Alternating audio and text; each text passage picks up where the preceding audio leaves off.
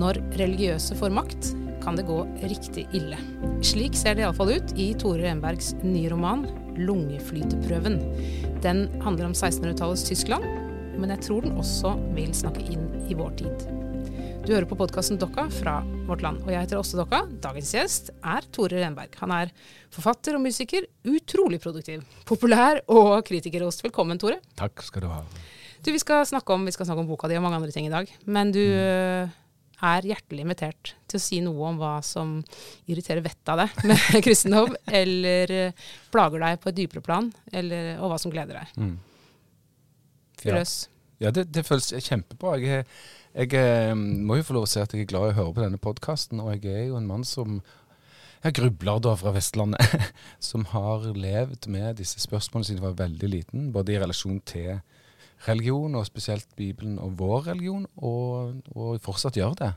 Så, eh, så dette, er et, um, dette, er ikke noen rammer jeg pleier å få, få bli invitert til å snakke så mye i. Så det likte jeg. Sant? Det er fint. Det er hyggelig. Mm. mm. har du mye usagt? Ja, jeg har jo det på mm. dette området, føler jeg faktisk. altså. Mm. mm. Men hva er det som i dag eh, gjør mest vondt for deg med kristendom? Um, personlig så kan det være mange ting, men sånn hvis du tar ser, ser deg rundt, så er det jo at fortsatt så virker som de samme store tabbene blir begått av den samme eh, instansen, enten den er, enten den er off, en off, offentlig instans, en stat, eller en, ja, en kirke i et eller annet land, eh, i religionsnavn. Og det er veldig ubehagelig, syns jeg, å se på sånn Man har hatt noen tusen år på seg til å ordne opp i noen så, sånne ting. Og det er plagsomt for meg, så da må det i hvert fall være plagsomt for veldig mange i kirken. Så det er ubehagelig. Og Hva slags ting er det snakk om da? Nei, det kan jo være et, eh, et maktmisbruk i, i en, midt, en, stat fra Midtøsten, eller hva det måtte være, overfor kvinner. Eller, eller det kan være um, i, i anførselstegn, nå sitter forfatteren og lager klammer. Um, en, streng, en litt streng um, lærer eller prest i en eller annen mindre menighet som går utover sitt uh, det som egentlig da mener måtte være sitt mandat ikke sant, overfor en som ikke har den, den rette tro. eller noe sånt. Og det føles så antikvarisk for meg da, å snakke om de tingene i dag. Mm. Men det skjer, som du nevner, da, det skjer jo. Ja. Altså, vi har jo en sak gående i mediene nå med Samfunnet, mm. eh, som finnes vel både ja.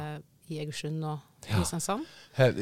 Den kjenner jeg nokså godt. ikke sant? Og jeg kjenner den òg fordi at eh, altså Helleland, Søgne, Kristiansand, de tradisjonelle store områdene til menigheten Samfunnet og de forskjellige utbrytermenighetene rundt dette miljøet, som, som er flere hundre år gammelt eh, der nede, og som har gjort veldig mye ne, Nå er forfatteren forsiktig diskutabelt opp gjennom årene som har ført til skrekkelige ting. Og Bjørn Markussen heter jo forfatteren som nå nylig har gitt ut en bok som han har skrevet etter fem år, tror jeg.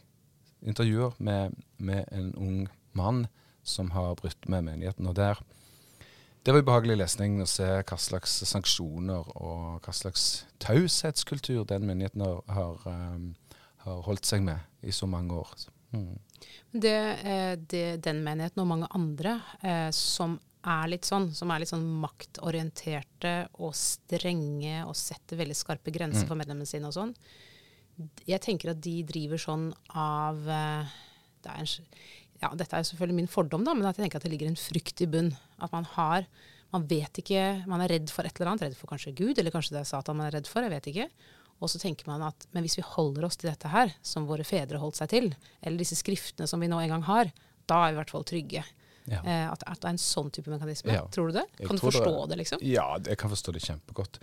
Eh, fordi jeg vokste opp som et veldig Jeg var et Guds barn jeg eh, vokste opp, og dette her er ingen, forfatteren forteller ingen vitser nå. Jeg vokste opp som et Guds barn, og jeg hadde veldig, og har veldig, tror jeg nok, sterke trosevner. Altså jeg, jeg er lett bytte for, eh, for dette. Og eh, jeg har ofte lurt på Hadde jeg vært et så Altså jeg var et Guds barn som ba hver kveld med folde hender, og jeg var så redd. Hva var du redd for, da? Det, jeg opplevde Pauli i ordet opplevde den delen av kristendommen som veldig veldig farlige overfor meg sjøl og mamma og pappa. Og det hele, Dette er jo vanskelig, men jeg er vestlending, sant? så for oss er det Dette er lett å forstå. Altså, Jeg hadde makten, den totale makten over meg, og jeg trodde, trodde bokstav, det var en bokstavtro forståelse av dette eh, via enkelte lærere i skoleverket, og bare selve teksten, som har veldig mange 'du skal' og 'du skal ikke'. Som kanskje er mitt hovedproblem med selve bibelteksten. Jeg er jo bibelfan, men der, når du kommer lenger og lenger ut i Det nye testamentet du kommer, jo mer Paulus du får, så syns jeg det blir veldig tungt. Det blir veldig mye tunge påbud og tunge advarsler hele tiden. Og for et lite barn som har behov Barn har jo behov for grenser, og veldig mange barn eh, lytter til mamma og pappa og ø, hva det måtte være, la oss si øvrigheter, skole, lærere, korpsledere, hva det måtte være, eller i søndagsskolen, som jeg gikk i og fikk stjerner i, ikke sant vel. Og jeg var et bytte for det. Og det tenker jeg vi må alle anerkjenne eller forstå, at eh, det må du ikke gjøre overfor barn. Eller gjør du det, så løper du en risiko, for det vil være ekstremt følsomme barn der ute som vil forstå dette som en absolutt makt som du må forholde deg til. Og da ligger den unge gutten jeg var, redd i sengen for alt fra om du har satt inn sykkelen i kveld, til om eh, har du gjort, altså har du satt inn sykkelen, eller blir, blir Herren sint på det? Mm. Dette kan jo høres helt lattervekkende ut. Men hvis du er syv år, og redd, et redd ung, et, et skremt lite ungt menneske, så er det helt forferdelig, det. Ja. Sant? Så det, det, den makten hadde, hadde ja, Herren. Ja, for Paulus sier jo ingenting om å sette inn sykler. Eh, så dette, dette, er jo på en måte Men det, det sier noe om at du fikk et, eh, et liksom raster over virkeligheten som handla om hva som er tillatt og ikke tillatt. Ja. Og at du hele tida har opplevd at du måtte holde deg på riktig side av den grensa. Selv om det var helt andre ting enn det som kanskje ble formidla til deg. Ja, helt rett.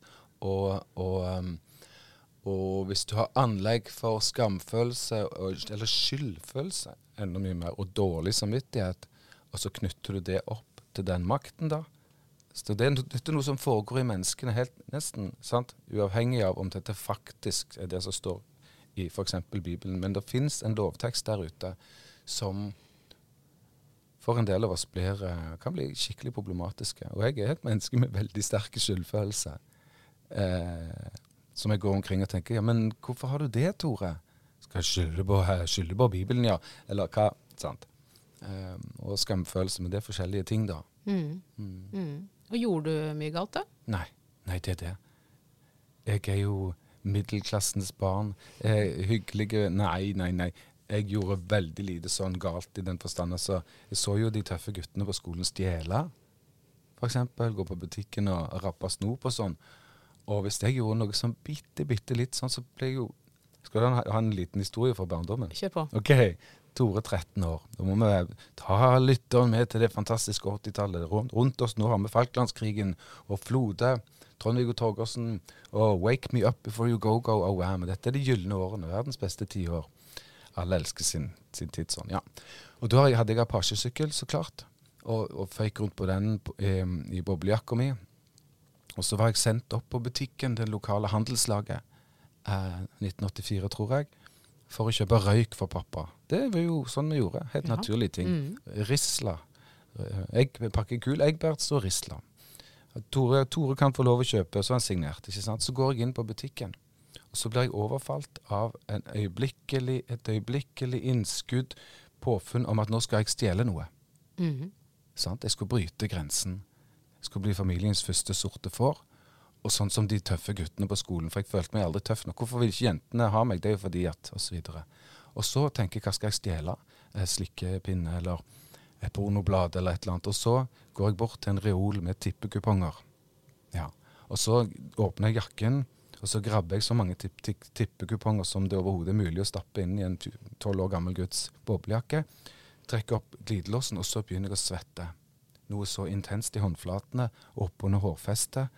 Og har det helt forferdelig. Stuper ut av butikken og kaster meg på apachesykkelen. Så dro jeg hjem til pappa som hadde hjemmekontor. Og så heiv jeg, åpna jakken, og så sa jeg pappa. Svelgte. 'Pappa, jeg har stjålet. Se her.' Så kastet jeg alle tippekupongene ut. Og så sa pappa, tror jeg, altså. Så den minner det i hvert fall. Tore, det er utrolig bra at jeg har fått en sønn med sterk samvittighet, men de er gratis. Så, ja, det er det ja. første når man leverer dem inn at man må betale.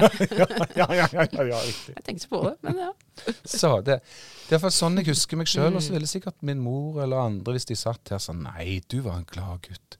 Dette kan ikke stemme. Men inni meg, i det mørke, siste timen før natten kom, så var det bare meg og Herren som var i det rommet. Sånn var det. Men tror du at eh, La oss nå bare si at du var deg i en kontekst hvor du aldri hadde hørt noe særlig om Gud mm. eller eh, de tingene der. Hadde, hva hadde forskjellen vært, tror du? Ingen. nå, nå, forskjellen er at du kan projisere det ut for kristendommen og Gud. ja, Ingen, bortsett fra at det fantes en lovtekst. Ja. Mm. Det er den eneste Så jeg hadde vært Jeg er sensitiv og skjør og følsom type. Eh, dessverre. Jeg har aldri sluppet unna det. Jeg skulle ønske meg litt større kynisme hos dere. Litt sånn, kan, mm -hmm. kan ikke noe prelle av. Kom mm. igjen. Mm. må, alt, må, alt, sette seg. Men eh, Så det er forskjellen, da. At det fantes mm. en lovtekst i vår kultur, og et Vestland, og noen rammer der. Eh, og hvis vi skal holde på med denne reisen gjennom alt dette personlige Du får stanse meg når det blir for selvoppfattet. Foreløpig er det veldig fint. eh, så kommer jeg fra to veldig glad for dette. Altså. Men de kommer fra to leirer, åndshistoriske leirer, kulturelle leirer. Og det at på min fars side så har vi mange selvstendig, selvstendig næringsdrivende skeptikere som i hvert fall syns at uh, du skal holde deg langt under religion. Den der heikans kristendommen og sånn. De er mye sånn steile folk. Og uh, folk som sier sånn de går, de går, jo rundt og tror på at han gikk på vannet. Altså Det er den vanlige mm. måten som de vil mm. snakke på. Er det mulig? Intelligente mennesker. På motsatt side på min mors side, så er det syvende dags adventister. Ja. Milde, utrolig arbeidsomme. Det deler de for øvrig med disse hetningene på den andre siden. Men de syvende dags adventistene, de har ikke, jeg har ikke opplevd de som veldig strenge uh, eller straffende eller sånt, men tydelige. Uh, lørdagen er hviledagen. Så det vil min morfar sa, det måtte jeg skjønne. Kan jeg forstå at det var det rette, for det sto i Bibelen. Så sånn sett var det jo uh, bibeltro, veldig bokstavelig. Spiste ikke krabbe. Eh, ingen kaffe med koffein. Alle sammen likte mye raspa gulrot. Ja. Og, og, alle sammen var fotmassører. Det er sånn helse Helsefolk, ja. ja. Mm. Eh, alt det der. Men de var milde, da, eh, for meg. Og mormor, mitt, mitt idol. Kjære mormor. Um, ja, så jeg har de to leirene i min familie. Sånn at jeg eh, Det har jeg blitt så utrolig glad i som voksen, ikke sant. For det er det, det Du har sett så mye av, av det menneskelivet. Så står jeg der sånn i spagat. Ja, og på et eller annet tidspunkt så slutta du kanskje å be så iherdig til Gud ja. hver kveld. Ja. Hva var det som var utløsende for det? Klarte å bli kvitt den frykten som du prater om. Eh, hvem vet hvordan Tore Renberg hadde snakka om disse tingene hvis ikke det var fryktreligion, frykttroen, som hadde stått så sterkt da jeg var liten? Det kan ikke jeg svare på. Men eh, jeg møtte masse radikale, annerledes tenkende folk i ungdomstiden min. Da kom jeg inn i et sånt miljø av unge folk som ville bli skuespillere og, kunstnere og forfattere. Og jeg gikk på det settet Rogaland Teaters barneteater. Spilte, spilte Bamsefar og Kasper. Ja, Egner som ja, veien ut. Ja, Nei, og Der møtte jeg unge folk, bl.a. en som heter Kristoffer Joner, og en del andre folk som jeg også kjente i dag. Og de var hardcore eh, folk fra østkanten i Stavanger, og barn av sosialister og kommunister og sånn. Og så kom jeg, og så var det en diskusjon, da. Så jeg, da var vi kanskje 14. De trodde på Gud. Og så sto de bare og lo. Ja. Og jeg sa jo ja, jeg, jeg, jeg gjør jo jeg, Eller jeg lurer på Nei, kanskje ikke. Nei, nei, nei. Sånn. Og de var jo sant? Så de, de eh, lo det rett opp i ansiktet. Og så jeg tenkte er det, Tør de det? Hvordan kan Er det men tenk hvis Gud Altså, livsfarlig. Mm. Og så begynte jeg å beundre de for ja, et mot, i hvert fall. Og den gang kunne ikke jeg tenke at ja, men de tenker det samme som du gjør pga. at de kommer fra en kultur. Jeg mm. tolker det som selvstendig tenkning fra 14 mm. år gamle mennesker. Mm. Det er kanskje ikke Men for deg var det uansett noe nytt? For meg var det et møte. Og, mm. ja. og så andre delen av det svaret at jeg begynte å lese veldig, veldig, veldig mye. En stor kristen forfatter som heter Dostojevskij leste jeg masse. Eh, og begynte å lese voksenlitteraturen, ikke sant vel. Mm. Så begynte jeg å diskutere. sånn som jeg tolker det sjøl. Med verden og med meg sjøl og med mine foreldre og med det jeg hadde lært, og blei i hvert fall mer selvstendig da. Og så tok jeg liksom et valg. At det, det, jeg beklager så mye, men religion er ikke bra for meg. Mm. For meg er det ikke bra. Jeg blir helt Jeg blir koko av det. Jeg blir så sliten av det. Jeg blir så redd av det. Og, og så Da tok jeg et personlig valg om at jeg, kan ikke bli med inn mer. Eh, og så kom det, som vi prat, begynte med denne samtalen om, så kom det at jeg begynte å bli så utrolig, trolig sinte på makt. Overgrep gjort i religionens navn. Og så begynte jeg å tenke følgende tanke. Nå, nå kommer snart mitt spørsmål til deg. Er det verdt det? Er den troen verdt det? Hvis det overhodet er ett tilfelle av en katolsk prest som forgriper seg på et ungt menneske. Hvis det er bare ett tilfelle av det, så kan en sånn mann som meg, ung mann som meg, og i dag tenke da er det ikke verdt det. Hvis bare den ene hendelsen skjer. Eh, da kan liksom ikke all verdens godhet utført i, i Bibelens navn, eller hva det måtte være, stå opp. Altså, ja. Det var den Mm. logikken. Jeg ble så sint. det. Og det, kan du sikkert skjønne sjøl. Jeg ble så forferdelig rasende på at uh, Og så leser du mm, litteratur, og du begynner å bli interessert i historie, og så ser du at dette har jo pågått så lenge. Hva er det?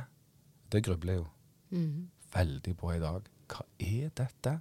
Hvordan kan det skje?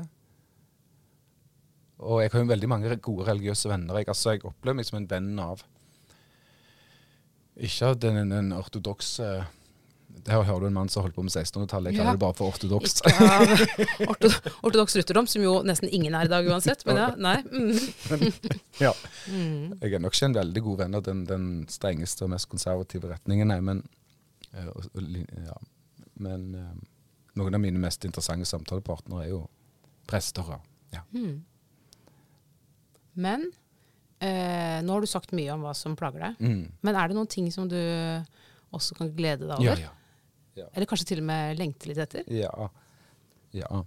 Eh, det, det fineste er jo opplagt det motsatte av det jeg nå har mast om så lenge. Det er troens, eller religionens, uh, evne til å få menneskene til å gjøre så mye godt. For det er jo òg det til stede. Og det er jo det fi utrolig fine. Da er, kommer bilder av min mormor igjen bare seilende. Mm. Så jeg vet. Jeg vet at min mormor ville vært et godt, fint menneske uansett, men hun hadde jo Altså hun kunne bruke dette her i sitt liv. Og det har jeg misunna, selvfølgelig. Altså Det misunner jeg fortsatt. Den eh, Jeg har jo trosaversjon og troslengsel Mm. i meg. Og jeg klarer ikke, klarer ikke jeg kan ikke sitte og lyve for deg og si at dette kan jeg helt skille. Eh, men jeg har liksom tatt, tatt avstand da fra det. Sagt nei, jeg vil ikke. Jeg vil ikke. Vil ikke. Mm, mm, mm. Vil ikke oss det. Ja, du, Nei. du har, på grunnlag av mange ting har du sagt nei. Det, det handler mer om det. Ja da. Det var dine ord. Men ja, ja, ja, ja, det er sånn, da. Mm. Men eh, mm. hvis, hvis jeg skulle gjette, da, så ville jeg jo gjette at du syns det var at du, Når du er i kirka i en konfirmasjon eller dåp eller et eller annet som du er invitert til, Mm. og så kommer det en salme, at du syns det er bevegende å synge Fantastisk. salmer. Ja, ja, ja.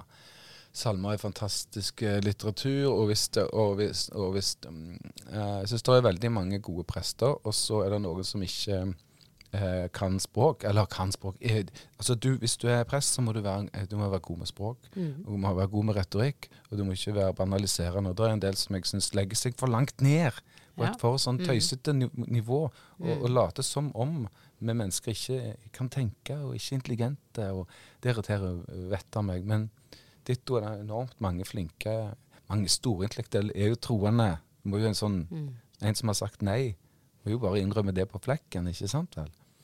Akkurat som mange store intellektuelle ateister, for all del, altså. Men. Så det fins estetiske opplevelser i kirkerommet. Og eh, hvis jeg er ute og reiser, så går jeg jo, som veldig mange andre, da selvfølgelig ofte innom ei kirke eh, for å kjenne på eh, hvor vakkert det kan være der, og hva folk har holdt på med opp gjennom århundrene. Så det er historisk, eh, historisk interesse for meg. Altså, jeg er forbi det nivået hvor jeg hvor, Hvem var det?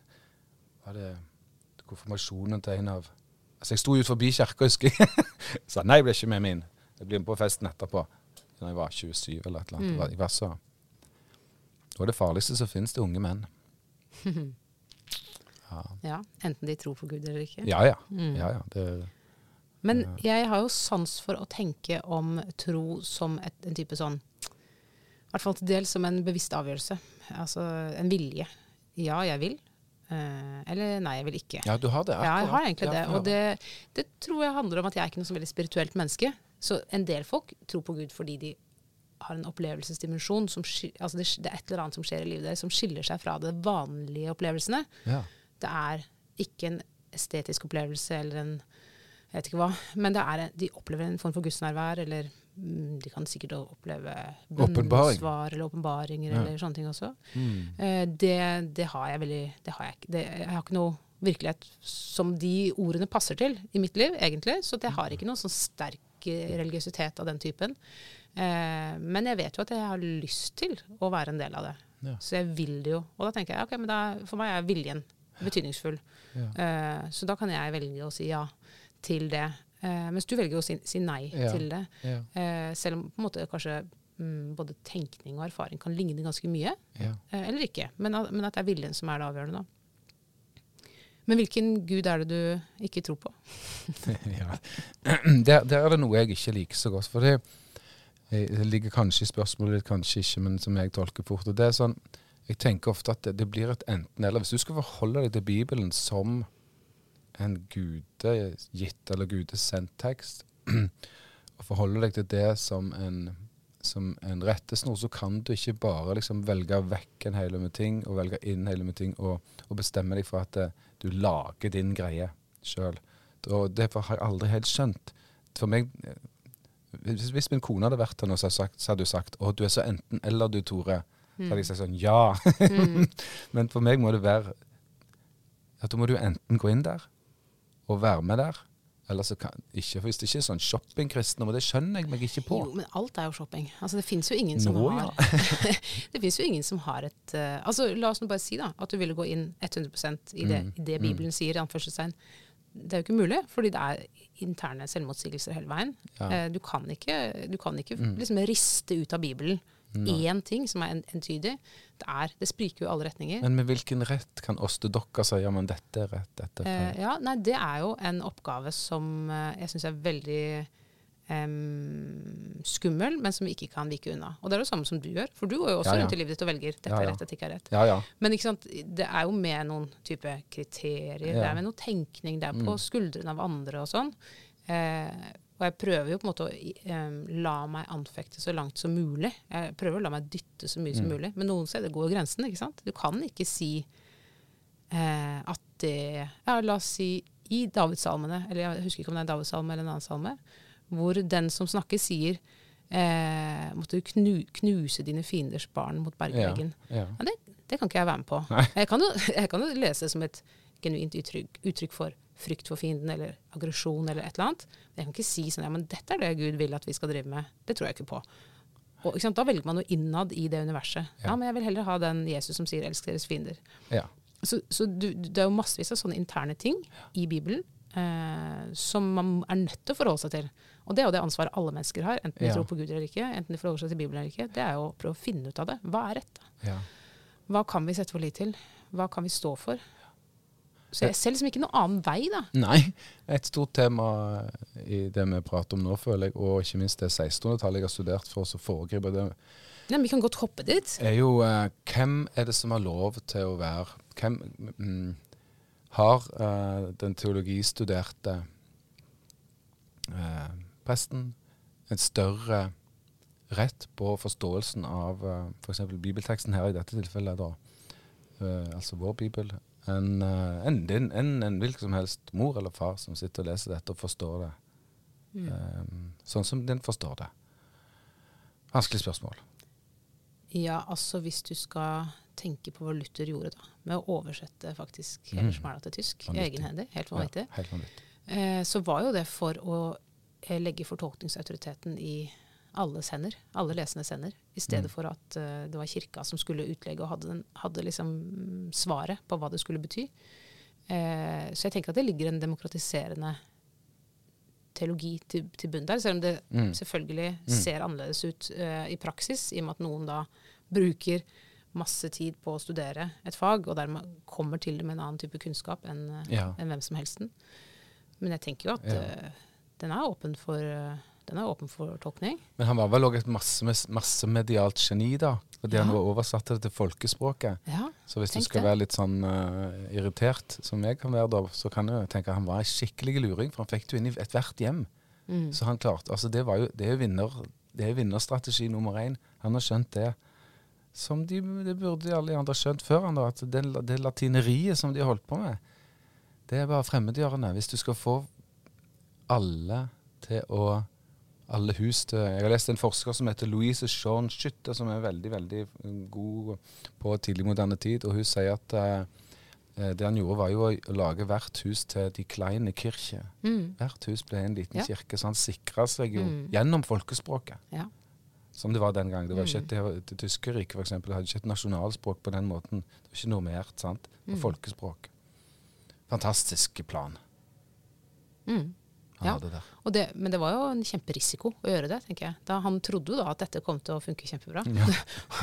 og det gjorde det kanskje i et par hundre år, og så funka det kanskje ikke så bra lenger. Ja. Hissig type, da. Ja ja. Han var hissig. Han hadde mye greier, Å, han. mye greier. Altså, jeg har hørt han leid av forstoppelse.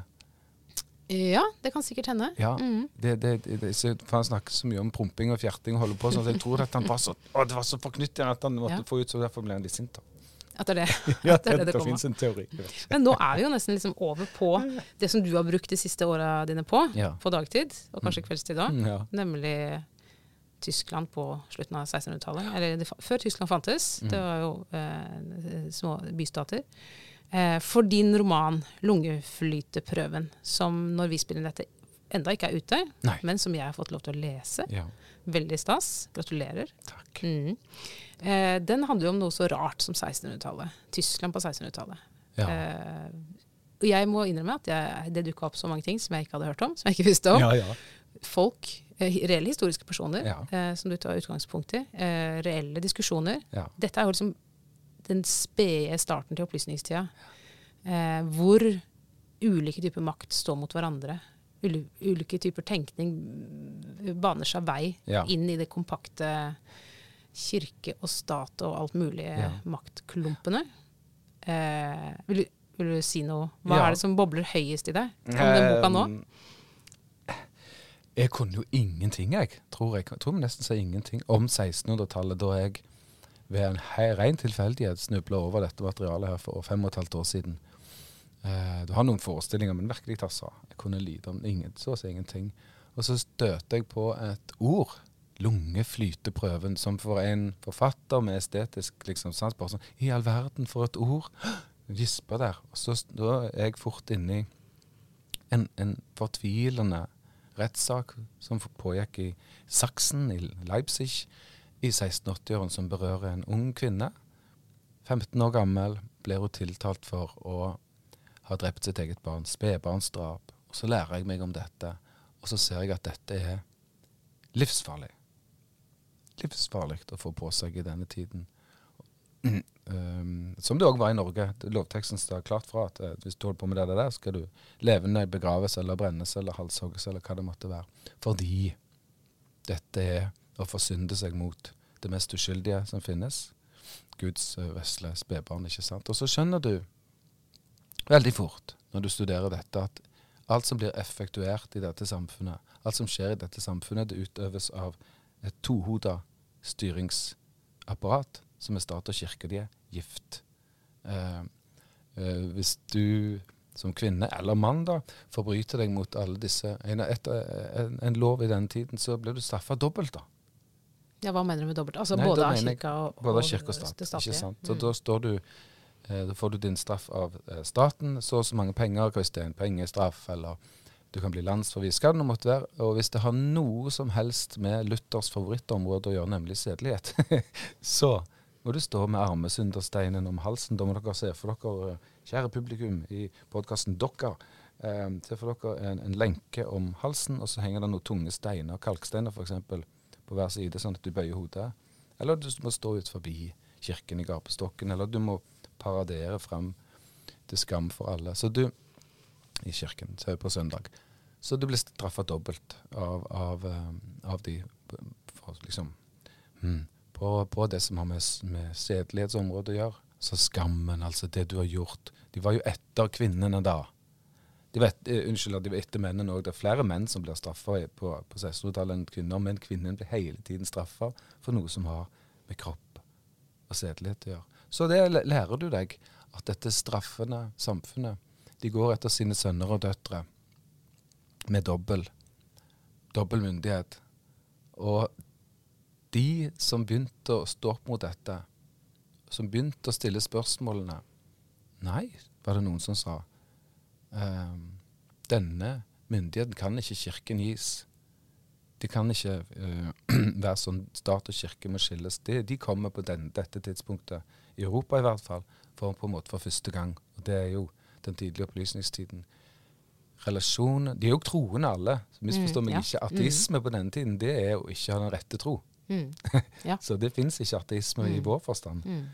Men de første menneskene, som jeg da bl.a. skriver om gjennom en den gang famøs og veldig veldig berømt jurist som heter Christian Thomasius. Det er den tidlige opplysningstidens første tenker som sier nei. Stat og kirke må skilles. Det var utrolig fascinerende å gå inn og se på det stedet i historien da dette begynner, og hvor farlig det var. Mm. Hvor utrolig farlig det var å hevde disse, disse tingene. Kjetter, ateist, landsforvises, eventuelt eventuelt dømmes til døden for dette kjetteriet. Mm. Så kampen, åndskampen, utrolig så den koker her. Og jeg tror, i hvert fall sånn som jeg leser din bok, da, så var det et enormt mot som måtte til. Eh, og kanskje også eh, et litt stort ego hos denne ja. Thomasius for å ja. våge det eh, så åpent som han gjør. Det er sånn jeg har skjønt det. Jeg kan ta feil. Når du studerer historien på denne måten i dyp, den dype fortiden. Kommer til 1600-tallet, så er det den dype fortiden. Kildene er ganske få. De personlige beretningene er uhyre få. Så hva forteller egentlig de offentlige dokumentene? Rettsdokumenter, eh, dekreter og ut, bestemmelser fra fyrsten og kirken. Liktaler. Hallo, alle sammen. Hei, alle lyttere av podkasten Dokka. De liktalene fra den mm. tiden, for en informasjon mm. om menneskene. Det har vært en utrolig kjekt å lese. Um, ja, for det, det, er som dagens Jeg fikk inntrykk av at det ligner ganske mye på dagens begravelse, hvor du har ja. en minneord og forteller ja. om det livet, og så, og så, har du en andakt etterpå. da, Men ja. det er jo ikke, det var jo det er ganske kort tid siden Den norske kirke at man skilte de to talene fra hverandre. Ja. Det er stor forskjell, tror jeg, er at den bibelfortolkningen den varer liksom i halvannen time, og så kommer det personlige og varer i 20 minutter, da. Og, og ja. så de kjører jo på, da. Men, øh, men øh, ja, så må, hva, hva, kan en roman bidra med? Prøve å fylle ut i de hullene, fylle ut i den tomheten som er. Hva, hva skjedde? Hva skjedde egentlig? Prøve å, å, forestille seg hva som foregikk på denne tiden. Ja, Og hvordan kjentes det? For vi kan jo lese om tortur, og vi kan lese om å miste sine barn og sånn. Mm. Men, men, hvordan var det for dem? Var det annerledes enn det ville vært for oss? Alt det der, det syns jeg er veldig mystisk. Vet jeg ikke, men dette med fare for å høres veldig kokett og pompøs ut. Det er en slags doktorgrad jeg føler jeg har holdt på med. For jeg har studert dette feltet fem og et halvt år og lært meg tysk på ny, og nå kan jeg lese gotisk tysk. Og nå kjenner jeg Jeg tror jeg kan sitte her og si at jeg kjenner dette århundret, den, den delen av Europa, da. Kan ganske mye om dette nå. Og, og um, dette vet for så vidt alle som har studert et felt, at på et eller annet tidspunkt så kjenner du nok eh, forskjellige mm, perspektiv. Og du kan nok til at du begynner å leve, da. Leve mm. litt sånn ordentlig i deg. Mm. Du er trygg. Mm. I, I, 2018 og begynte å studere dette, så var jeg veldig redd for dette materialet. Mm. Eh, hva betyr det? Mm. Hva betyr det? Dette skjønner jeg ingenting av. Fyrster og alt mulig. Og så går det noen år med dette, så kan jeg metaforisk stå, men jeg kan spasere rundt her ja. og se sånn Ja, god dag, fru, fru uh, God dag, fru Finten. Ser de ute og spaserer i dag, så begynner jeg å tro på dette. her. Mm. Og så ser jeg at nei, du har ikke pudra parykken din, nei, osv. Um, en for forfatteren som sitter her, er en fantastisk opplevelse. Uh, så kan vi snakke om tortur og alt dette. Vold, altså, for et voldssamfunn. Det var mm. et ekstremt voldssamfunn. Det er vanskelig, utrolig vanskelig å forholde seg til. Um, ja De har levd med volden fra de sto opp til de la seg, som en, en veldig naturlig, fryktelig naturlig del av livet. Uh, alle trodde på det. En henrettelse f.eks. her da, i Leipzig, i 1680-årene. Det var en folkeforlystelse. Ja, Ikke sant? Altså, Med boder og musikk og i dag selges det sverdag, sverdagspølser. mm. Kom og kjøp. Og alle barna fikk fri fra skolen for å være med mamma og pappa og se på henrettelsen av en av en uh, spedbarnsmorderske, f.eks. Sette seg inn i det og forstå at dette er jo sant. Nei, Mm. det Men ja, du spurte hvordan det var, og det har vært en eh, Det er en stor opplevelse. Vi får se hvordan det går med denne romanen, og hvordan, hva folk syns. Men opplevelsen av å sitte hjemme og bli sånn trygg Mm. i, i den, den fortiden som var helt utilgjengelig for deg. Helt utilgjengelig. Ja, det var gøy. det var gøy. Ja. Jeg ble, mm, jeg ble også interessert i ble interessert i mange ting, men det, eh, hvordan Det virker som om det var pietistene som virkelig klarte å, å ta et steg til sida for det som foregår her. For det er jo, eh, det er jo dominert av den lutherske ortodoksien, som jo kanskje vi må laste Melanchthon vel så mye som, for som Luther eh, selv, men det har nå uansett fått hans navn. Er meg. Jeg skal tilgi det, selv om jeg er glad i Luther. Eh, som jo er kjempe kjempestreng og alt det der, men det er noe helt annet enn pietismen. Eh, og pietismen er jo superduper religiøs. Vi er jo, vi er jo vant til å tenke at pietistene er så, de er så bakvendte og sånn, men de er jo foregangsmenn de, i denne sammenhengen. Jeg elsker at du sier dette, for jeg kommer jo fra den delen av lands, landet jeg kommer fra. Det høres ut som du òg er en vestlending her. Åste. Halvt Ja. vestlending. Ja, sant. Der ser du. Eh, og så kom jeg inn i det akkurat som du gjør, med den eh, moderne forestillingen av dette ordet som bare steinhardt og mørkemenn og det ene med det andre. Og så kom jeg inn og ser det lyset de kommer med. 1675 tror jeg det er at, eh, at Spener skriver 'Pia desidera'. Og kommer med en helt annen inderlighet. Og raskt på 80, og dette skjer jo da i, i Leipzig-hallet, akkurat i dette miljøet, som, som jeg da kan si for lytteren er jo det, det er den lutherske ortodoksiens hovedbastion. Der er det steinhardt. Eh, med med eh, bokstavtro eh, måte å, å, å jobbe overfor rettsvesenet og alt, og all tro, trospraksis, eh, religiøs praksis. Og så kommer den gjengen der og sier nei. Det står mellom deg og Herren. Og de, de folka der, hvis vi skal tro um, eh, eh, på, på referatene som blir gitt om dette, så er de fantastiske talere. Og de begeistres sånn som jeg tror da pinsebevegelsen må ha gjort, kanskje i moderne tid. Jeg vet ikke. Eh, og, og spesielt Franke. Spener sier om Franke at, det- at det glødet av ham. Og så det som skjer utover på 1680-årene, det er at kirk, eh, kirka til pastor, pastor Karpsov, som var den store pastoren i Leipzig på den tiden, Benedikt Karpsov Kirkebenken begynner å bli tomme. Og nå er det et hus der borte hvor det står en av talerne etter August Herman Franke. Og der strømmer det folk til, som opplever da at Herren kommer nærme, nærmere de. Det er ikke på latin, og det varer ikke ja, kanskje, Jo da, mulig det varer tre timer, men tre timer med inderlighet kanskje da. Mm. Så det er det som skjer i starten. En frigjøringsbevegelse og en opplevelse for disse menneskene at nå er, nå er vi helt nær. Ja, for det er jo å flytte autoritet, egentlig. Ja, ja. Altså, hvor staten og kirka som institusjon får mindre enn den skulle sagt. ja. Og så skjer jo det vel det er sant når Hauge og senere dissidentbevegelser eh, gjør mye av det samme, eller Brødremenigheten, disse festlige herrnuterne. Det er litt av en gjeng, sant? Som de har Mhm, lyst til å flytte inn i. Altså, fantastisk. De I sårhullet. flytte inn i sidesåret. Kom igjen, der vil de lage en liten hytte. Ja. Utrolig gjeng, da. Um, um, det begynner her. Så, sånn som jeg har lært dette. Dette er, er startskudd, eller der flammen blir tent for, for noe som skal foregå i århundrer, og som alle vi kjenner som eh, forskjellige uh, menigheter og retninger som er i kamp med statskirker rundt forbi. Så jeg syns det har vært ellevilt spennende akkurat det du sier, å se at nei, de der glødende pietistene som er sine Weissenhus og sin, ja, som vi prater om, evnen til å gjøre godt, Mm. før det ble krig og religionskamp og nye religionskjekleri. Men eh, da, da begynner jeg å tenke sånn Er det sånn Ok, la oss si du hadde da 1600-tallet. Et tette bånd mellom kirke og myndigheter. Mm. Og ikke minst at man ikke har delt opp eh, liksom, rettsvesenet fra, fra den lovgivende makt, virker det som heller. Så det er jo klart alt er bare mot sammen, liksom. Eh, tette bånd der. Mye makt i de religiøse hender. Så kommer det en ny religiøs bevegelse som, som på en måte underminerer eh, noe av den sammenhengen. Men så, med århundrene, så fester jo det seg som en ny Ja, ja. makt igjen. ikke sant? Ja.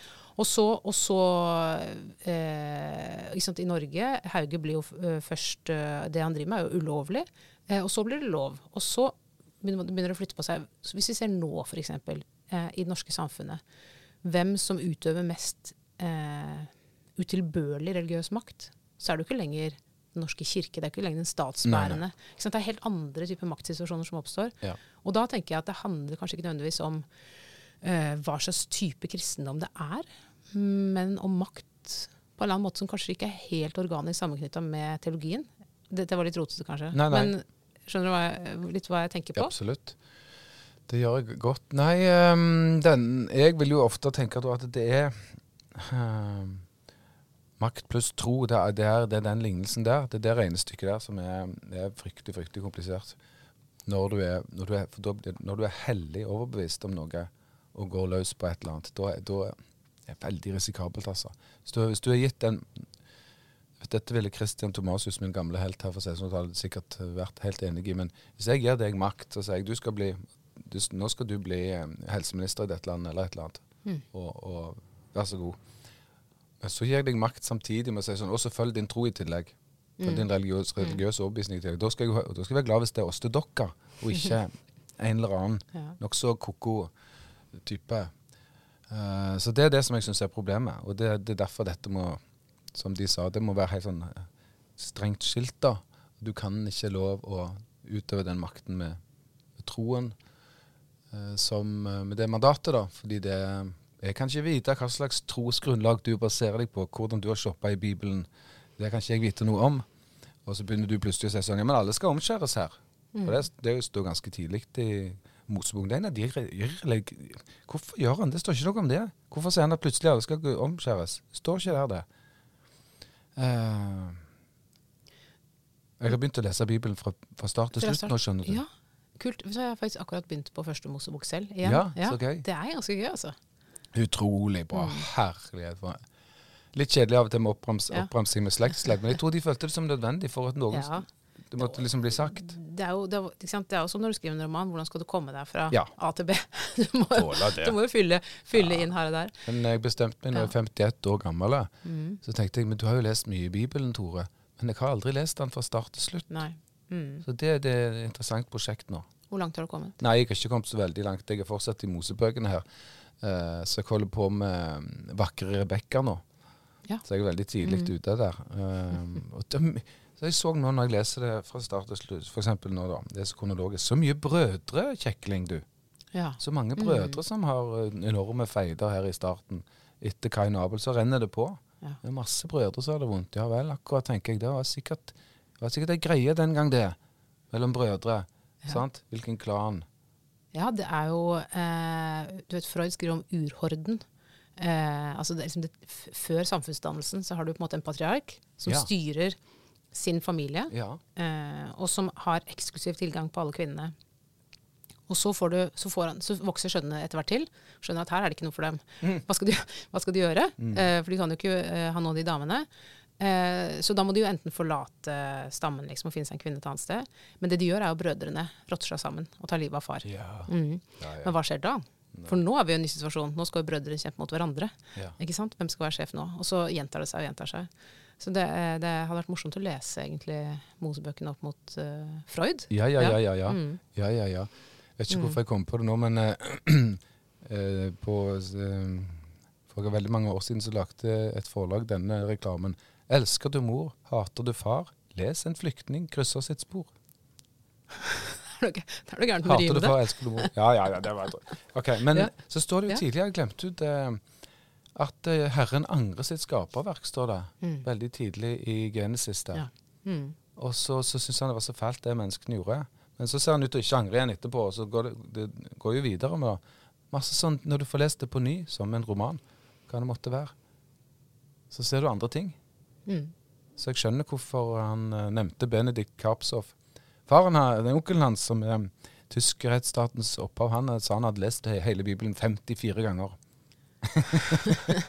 Jeg, føler, ja, jeg føler at det blir en konkurranse som blir litt meningsløs. Ja, Men, men ja, åpenbart mange som uh, Altså, måten de um, Jeg, tenk, jeg tenker sånn, Tenk på all informasjonen vi har tilgjengelig nå i Mm. dag. Hvor mye vi tar inn egentlig av uh, tekst og andre ting i løpet av en dag.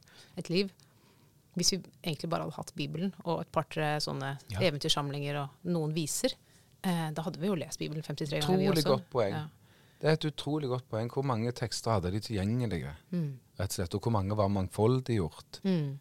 Fryktelig få. Mm. Ikke sant?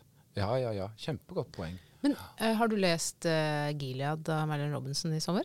Jeg har jo av deg Ja. som har hamra uh, Marilyn Robinson sine bøker i hodet på meg, så jeg, jeg, har, jeg har jo brukt flere tusen kroner av deg. Hadde kjøpt den Jeg trilogien. Ja. Den trilogien og essaysamlingen. Så leste jeg Gilead, og nummer to har jeg lest. Um, Synes hun, hun er jo en sk- skikkelig klok dame. Uh, så det har Ja, jeg og hun har er bibelsprengt. ja, bibelsprengt som bare det. Um, jeg syns den uh, Gilead var litt langtrukken, må Mm. jeg si. Mm. Uh, mens roman nummer to har mer dialog og har mer handling. Men jeg er veldig glad for å ha blitt gjort oppmerksom på henne. Jeg Mm. kjente ikke til henne. Så Mm. det var jo et um, gledelig nytt bekjen bekjentskap der. Så det skal du ha takk for. Men Nå har vi spora litt av. ja ja, så bra. Men det, eh, sånn er det å så- snakke. Ja, sånn er det å snakke. Det, det er fint, det. Men Ja. kan vi bare si noen ting mer om makt? Eh, for det er klart at du har gode poenger. Men hvis jeg skal liksom være litt djevelens advokat, da. Kom an, kom igjen. Noen må jo bestemme, ikke sant? Noen må ha makt. Eh, så lenge vi har, lever i et ja, nei, Jeg tror nesten uansett, hvis man er flere enn Mm. to mennesker, så er det noen avgjørelser som må tas, og man må komme fram til dem på en eller annen måte. Mm. Uh, og i et demokrati så er det nå greit nok, da kan vi jo velge dem som skal ha makt og sånn. Men, men hvis man mener at man har noe eh, viktig å si, noen gode tanker, eh, har forstått et eller annet, om man da er religiøs eller ikke, eh, bør man ikke da søke makt?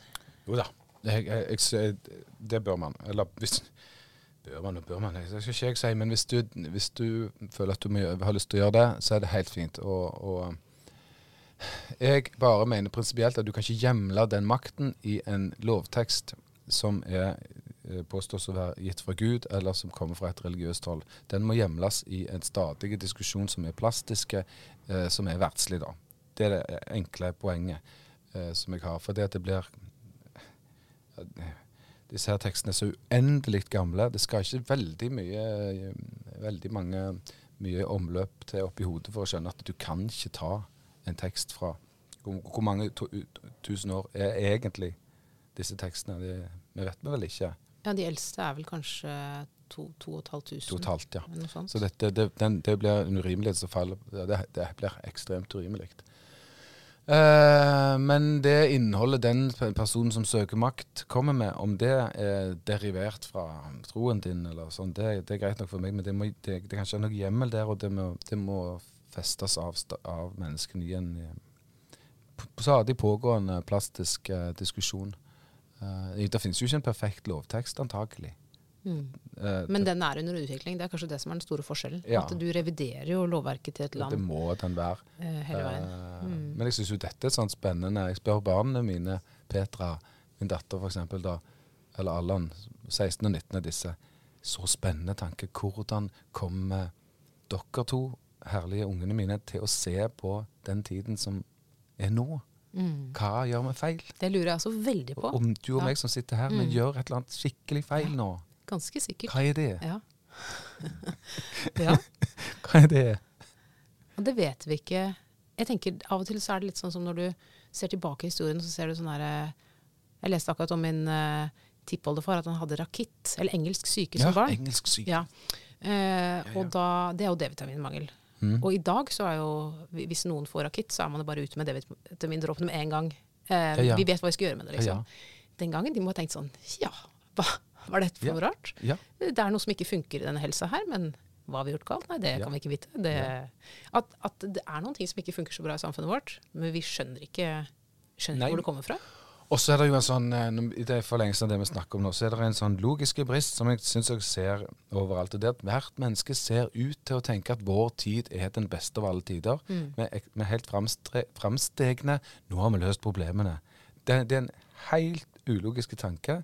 Og hvis du studerer fortiden, så vil du se du stadig vekk støtter på faser, tidsepoker, hvor de var mer framstegne på en del områder Ja. Mm. enn Mm. enn i dag. Og på andre områder helt ute ko-ko. Mm. Uh, dette vil skje alltid. Og at vår tid ikke skulle være prega av akkurat det samme menneskelige tøyset, det er opplagt. Ja, og, men jeg tror den der voldsomme fremtidsoptimismen og liksom nåtidshyllesten, den har jo har den ikke sunket litt Jo, jo. de siste fem-ti åra? Nå er det nå, Det tenker jeg òg masse på. Du vet, Jeg er 51 år, som sagt, og da blir pappa bekymra, pappa, vet du. Nå er jeg i Mm. den fasen av livet. Mm. Mm. bekymra, vet du.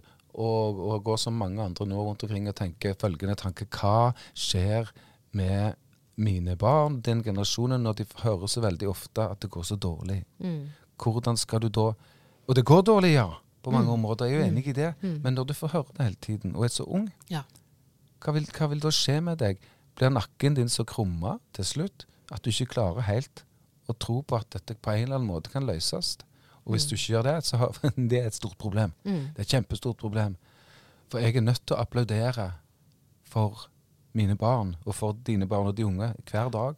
Det er viktig. Dette er viktig for meg. Stå opp om morgenen, og så må du slå hendene sammen. Så må du klappe. Heia ungene. Kom an. Det er dere som skal løse dette. Her. Og jeg må, jeg må stå og juble. Sjøl om flommen, storflommen, som det står så mye godt om i Bibelen, den kommer bak ryggen din. Unger, snu dere om. Det er dere, altså, dette er komplisert, syns jeg. Ja. ja eh, jeg har en 14-åring som i en periode var veldig, var veldig stressa over om han, om han kom til å få jobb. Ja. Ja. Ja. Og sånn tenker jeg, men ja, selvfølgelig. Ja. Hvis du klarer å komme på tida, Ja. så får du jobb. Ja. Ikke noe problem det. Men den, hvor kom det fra? Kom- Altså, Hvor kom den bekymringa fra? Hva, hva har de sagt til dem på skolen? Jeg vet Mm. ikke. Men dette skriver jo Marilyn Robinson veldig godt om i, i sin bok, om eh, hvor sårbare vi mennesker er for vår egen nedsnakking av oss selv. Og hvor, hvor, hvor dårlig det gjør oss. Hvor vondt det gjør oss. Hun skriver kjempegodt om det i forhold til USA, i forhold til, Ja. forhold til landet sitt, ikke sant? Men Tore, Ja. helt til sist Er, vi er det slutt allerede? Ja, ja, ja vi må Alt har sin eh, grense. Alt har sin tid, sier forkynneren. Ja. Eh, en podkast tar slutt. Ja. Ble du litt mer kristen nå? Nå vil ikke. Har ikke lyst, vil ikke. ja, kanskje litt, da. Kanskje litt? Ja, men det er bra nok for meg. Tore, tusen takk for praten. Og du, kjære lytter, har hørt på podkasten Dokka fra Vårt Land. Jeg heter Åste Dokka, og produsent i dag har vært Sondre Bjørdal. Og Vårt Land har jo en podkast til. Den heter Kammerset, for deg som er interessert i politikk. Hør på den. Og det er veldig hyggelig for oss å høre fra lytterne, så hvis du har lyst til å sende forslag til en klok gjest, eller en eller annen eh, respons, så kan du sende en e-post. Ha en riktig fin dag.